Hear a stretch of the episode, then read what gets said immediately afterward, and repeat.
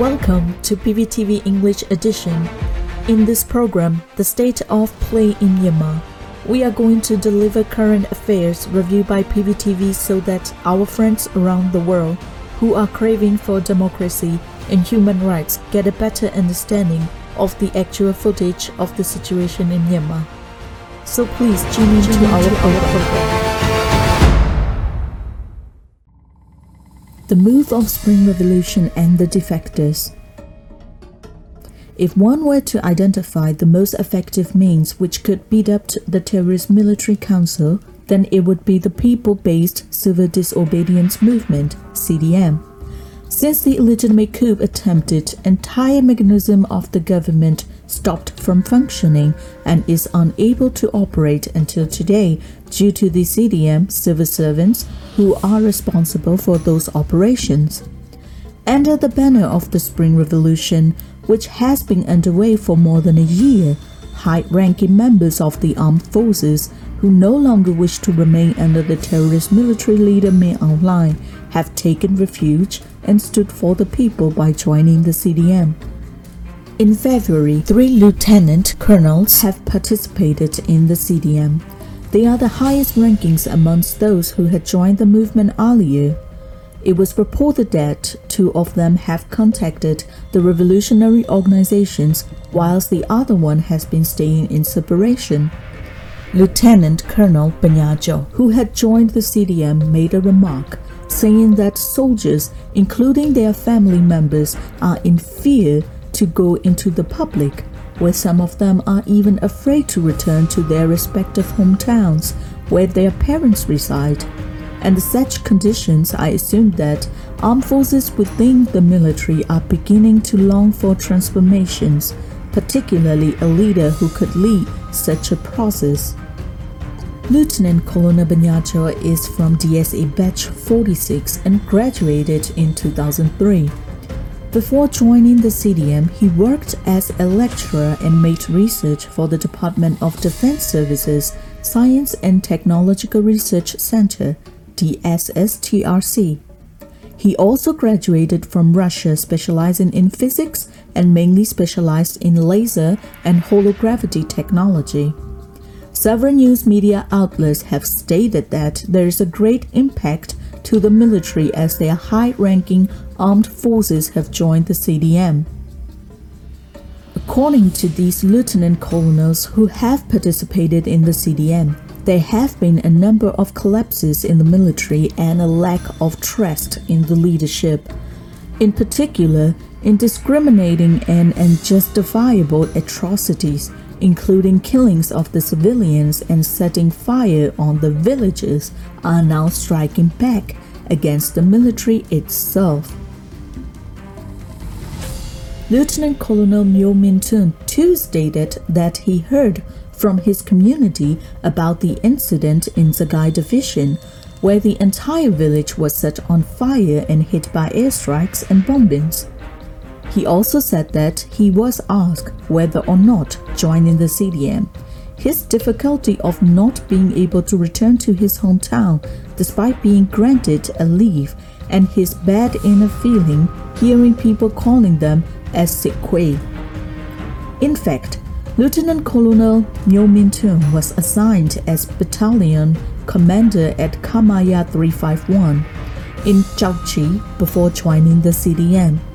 Likewise, another major and a soldier had also taken refuge recently.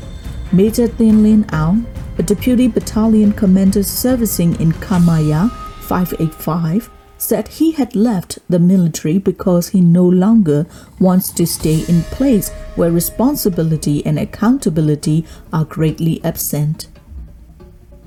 So there are also several remarks whether to use the term defector or CDM and a clear division that the more the armed forces from the military participate in the process, the faster the revolutionary journey would be with the least casualties and quickest victory. Dr. Miemie Winn Byrd, a Burmese American security expert, said in Irrawaddy Media that defections are one of three elements, along with the people's support and international support, necessary for all successful revolutions. adding that the resistance side in Myanmar could focus on defections as a way to deprive the regime of soldiers. Moreover, the National Unity Government has also established the Committee of Implementing the People's Embrace Project to welcome and embrace those soldiers and police who have defected to take part in the civil disobedience movement led by the Prime Minister.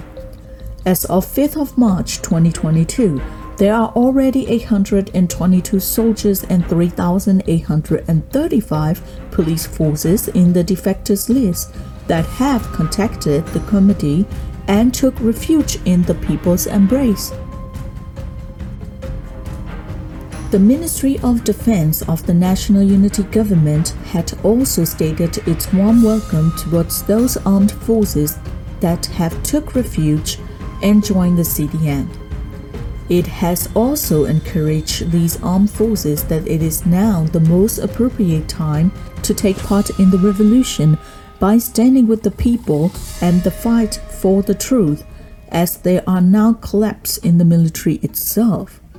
There are armed forces and police forces who have been participating in the revolution in collaboration with the PDFs, LDFs, and EROs on the ground. At the same time, a police force to protect the people have also been established in collaboration with the Ministry of Home Affairs and Immigration of the National Unity Government. There are also remarks made regarding the concerns about the defectors including the issue of trust, and to handle them systematically with care. This concern has only grown so much, especially after some of the hardliners who defected in support of the military dictatorship. Despite these concerns, some also reviewed it as a good prospect for even the generals see distrust of the military dictatorship.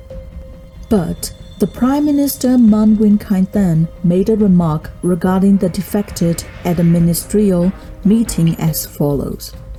There are numerous defectors who have contacted the People's Embrace Committee.